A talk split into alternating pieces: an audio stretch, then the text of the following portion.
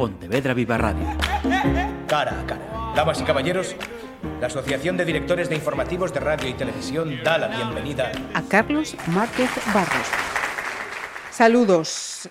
Centramos este cara a cara en la conmemoración del 28 de junio, Día del Orgullo LGTBIQ. Seguimos, seguimos, seguimos. Es decir, os planteo una pregunta. ¿Tenéis claro el significado de cada una de las letras de este acrónimo? ¿Te pierdes cuando escuchas eh, cisgénero, pansexual, demisexual, género fluido?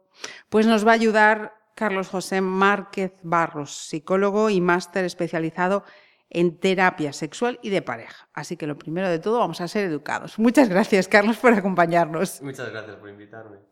Carlos, te he leído lo siguiente. Hay muchos tipos de sexualidades, pero ninguna de ellas tiene por qué ser una fuente de malestar.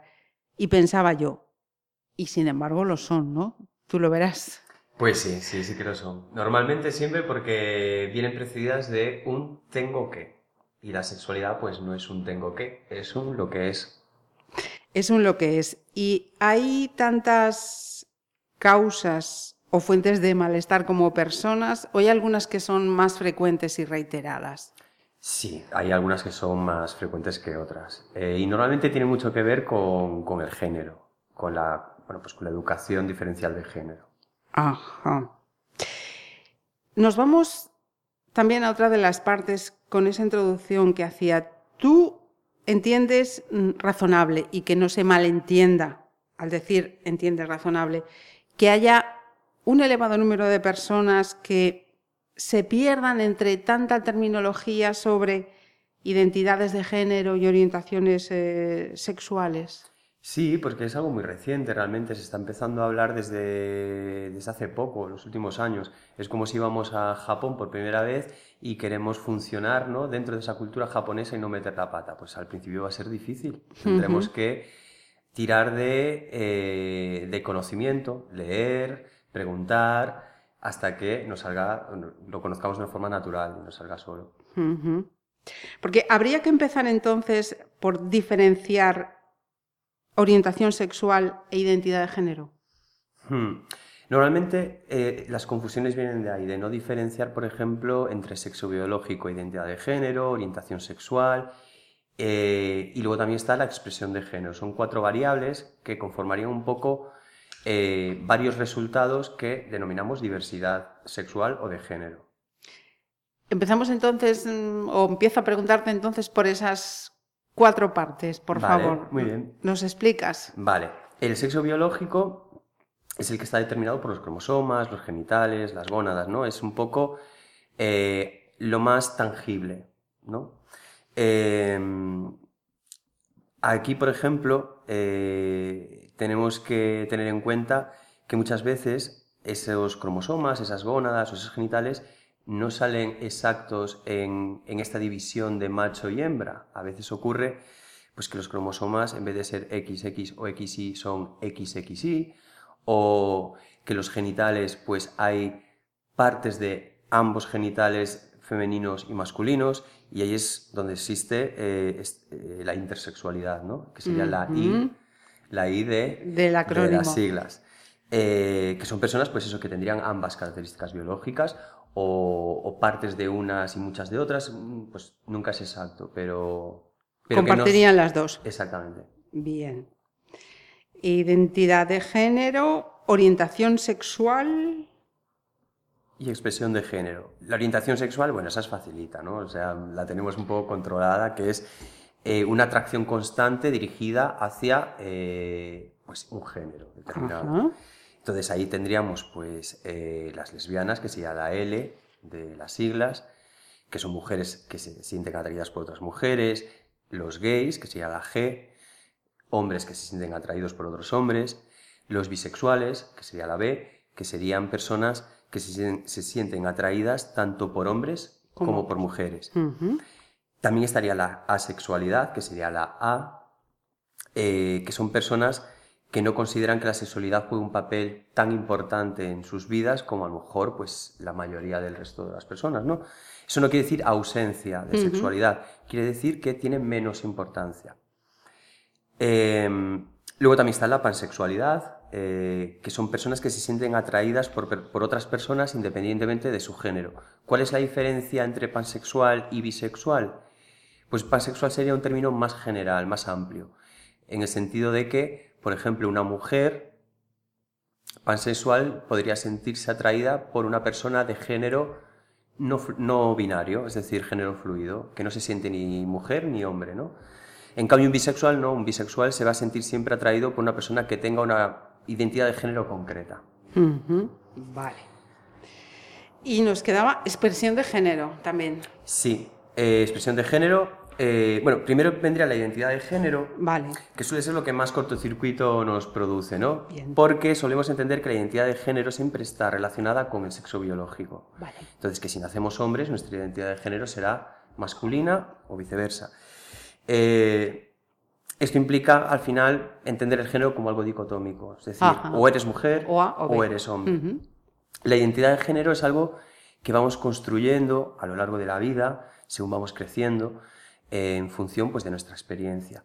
También influye mucho eh, los puntos culturales, eh, eh, las normas sociales que nos llegan a través de la socialización, pues, de nuestros mayores o cuidadores. Y eso, bueno, pues se va, se va creando poco a poco, se va construyendo. Em, aquí vendría ese término que dijiste en la presentación de cisgénero, que serían personas cuya identidad de género coincide con el sexo biológico que se le asignó al nacer, ¿no? En cambio, eh, las personas trans, su identidad de género no coincide con su sexo biológico. Dentro de las personas trans también tenemos los transexuales y los, y los transgéneros. Eh, transexualidad sería las personas que dentro de esa no identificación con el género asignado eh, tienen además disforia corporal, es decir, no se reconocen en sus cuerpos y los transgéneros, en cambio, no tienen esa parte, no les, no les produce ningún tipo de mm. malestar eh, esa, esa, esa, corporalidad, ese fenotipo. Simplemente lo que buscan es que se les identifique y se refieran a ellos o ellas por el género que ellos sienten o ellas sienten eh, que es el suyo. Ajá. Em, ah, perdón, y luego estaría eh, también las personas queer, que sería la eh, Q. Por ahí está, es que además que además estaba pensando eh, mm, que yo lo estaba pronunciando mal hasta este momento, porque decía care. bueno, es que el inglés yo también lo pronuncio muy bien, pero bueno, esta, en, en concreto, como la tengo que usar mucho, la, la, controlo bien. Vale. Entonces, en este caso, por favor, perdona que te haya interrumpido. Pues las queer son, son personas no binarias, son esto que, que se llaman personas de género fluido, es decir, no se identifican eh, en este sistema binario de género. Bien, hemos introducido varios términos más, ¿no? Estábamos con el no binario, persona no binaria, persona de género fluido, y personas queer, que más o menos es prácticamente lo mismo. Mm, vale. Eh, cisgénero, lo hemos... Cisgénero, sí, lo hemos hablado. Vale. Es que yo tenía por aquí una chuleta. Y, luego la voy a tener Estamos haciendo los check. Eso. Nos, quedó atrás en la orientación sexual la de mi sexualidad, que formaría parte de, ese plus, de ese más que viene al final de las siglas, ¿no? Ese plus al final, fíjate, empezó llamándose LGBT, luego, empezó, luego siguió por LGBTQ, luego siguió por LGBTQIA. Entonces, ese plus es como el espacio que dejamos para mm, para que puedan surgir nuevas realidades que a lo mejor ahora se nos están escapando y, no estamos identificando, ¿vale? Entonces, dentro de ese plus estaría la pansexualidad que hablamos antes y también la demisexualidad, que son personas que solo se sienten atraídas físicamente por, por otras personas con las que tienen un sólido y un fuerte, eh, una fuerte conexión emocional. Eh, vamos a decir que mm, es lo que tradicionalmente eh, estaba más ser. claro claro es decir pues son personas que no consiguen eh, no consiguen no no no tienen una sexualidad accesible a un rollete de una noche ellos acceden a la sexualidad a través de una conexión emocional. Claro, ahí está, ¿no? Hay un componente ahí emocional fundamental para llegar al, sexo, ¿vale? Y sí que lo hemos eh, mencionado y vemos que también reivindican su espacio las personas que se declaran asexuales. Tenía yo aquí una pregunta que voy a tener que añadir porque tenía escrito la orientación sexual y la identidad de género. Tengo que añadir la identidad de género, la orientación sexual, la expresión de género y el sexo biológico tienen mm, relación con la edad. Te pongo dos ejemplos para hacerte la pregunta. Una persona de 70 años que haya tenido hasta ese momento una orientación sexual determinada, descubre que añade otra orientación o cambia de orientación. O nos vamos al otro extremo. Una persona mm, de, pues no sé, de 10 años tiene clara cuál es su identidad de género, su expresión de género, su orientación sexual? Eh, vamos a ver, la identidad de género se construye con el tiempo y el ritmo de esa construcción va a depender de muchísimas cosas. Va a depender de que tengamos espacio para, para, para ponernos a ello, es decir, si no tenemos tiempo para reflexionar, si nuestras cargas familiares son tantas que no podemos explorar cosas, eh, y tenemos muchas responsabilidades que nos impiden llegar al final del día y tener un, tiempito de tranquilidad y decir quién soy, cómo soy, pues es muy, muy, muy probable que esa construcción se demore más en el tiempo. Además, la identidad de género no es un constructo fijo, es un constructo que puede variar con el tiempo y con las experiencias. Entonces, bueno, pues sí es posible que una persona de repente eh, su identidad vaya cambiando. Nos pasa a lo mejor con otras cosas, ¿no? Aficiones que antes teníamos y que nos llamaban muchísimo la atención y que con el tiempo han dejado de tenerla o al contrario. Y respecto a las personas más jóvenes, eh, hay que pensar que la identidad de género y sobre todo la expresión de género, que, luego hablaremos de ella, eh, la expresión de género es, algo que te sale natural. Eh, muchas veces sí está mediatizada por eh, por el contexto social, porque en el pasado ha sido muy castigada determinadas expresiones de género, sobre todo si no coincidían con nuestro sexo biológico. Entonces, eh, partiendo de que una persona es libre de ser quien es, la expresión de género es algo natural, no es algo que dependa del tiempo, que dependa de, de estar más formado, no, va a ser como nos expresamos, es la forma la expresión de género es la forma en la que nos presentamos ante el mundo, la forma en la que hablamos, la forma en la que nos movemos, la forma en la que vestimos.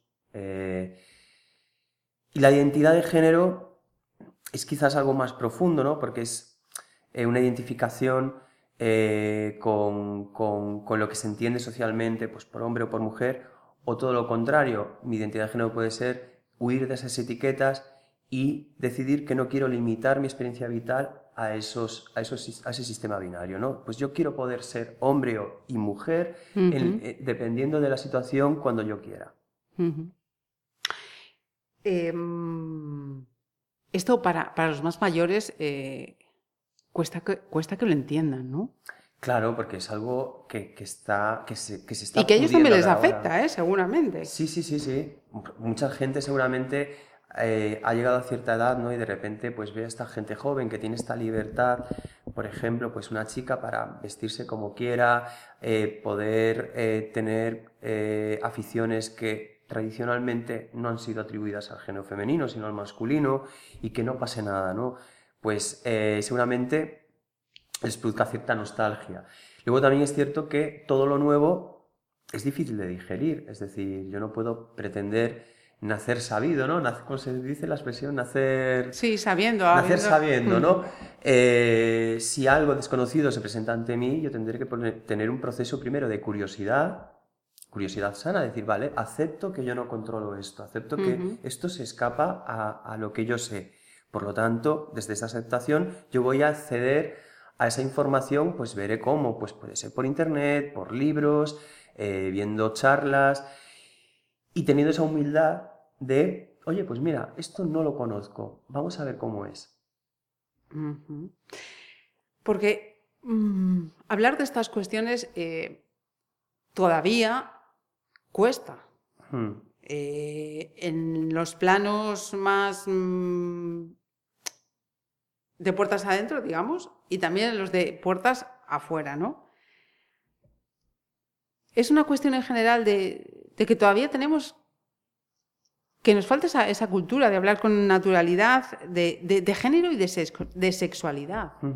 Y también derribar muchos mitos. Por ejemplo, hay la creencia de que estas cosas son como contagiosas, que, como que son pandémicas. Es decir, ahora que por fin se puede hablar de esto, ahora todo el mundo lo va a hacer porque accede a esa información.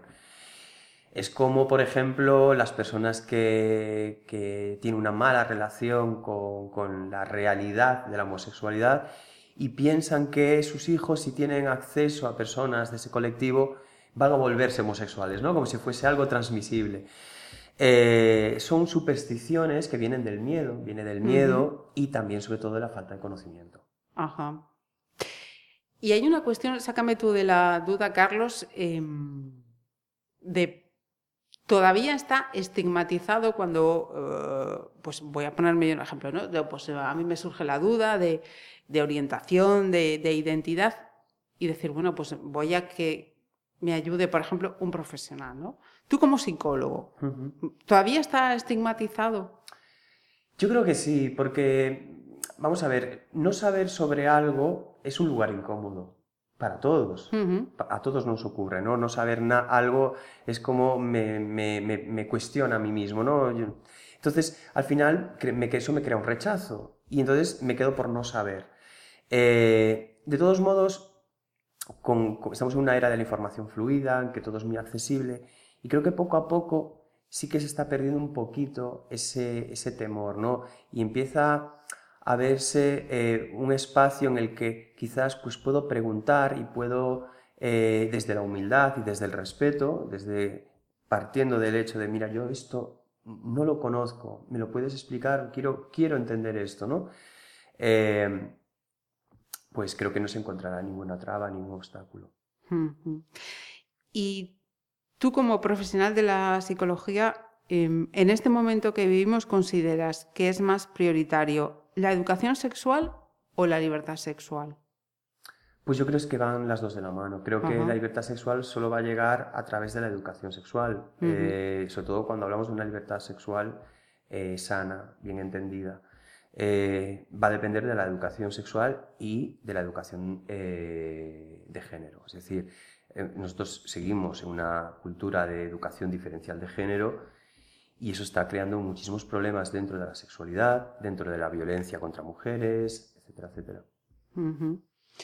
O sea que si en educación sexual andamos mal, en educación de género estamos todavía con los pañales. Si, si, es que nos llegan a, los pañales La educación sexual existente realmente se ciñe a prevención de enfermedades de transmisión sexual.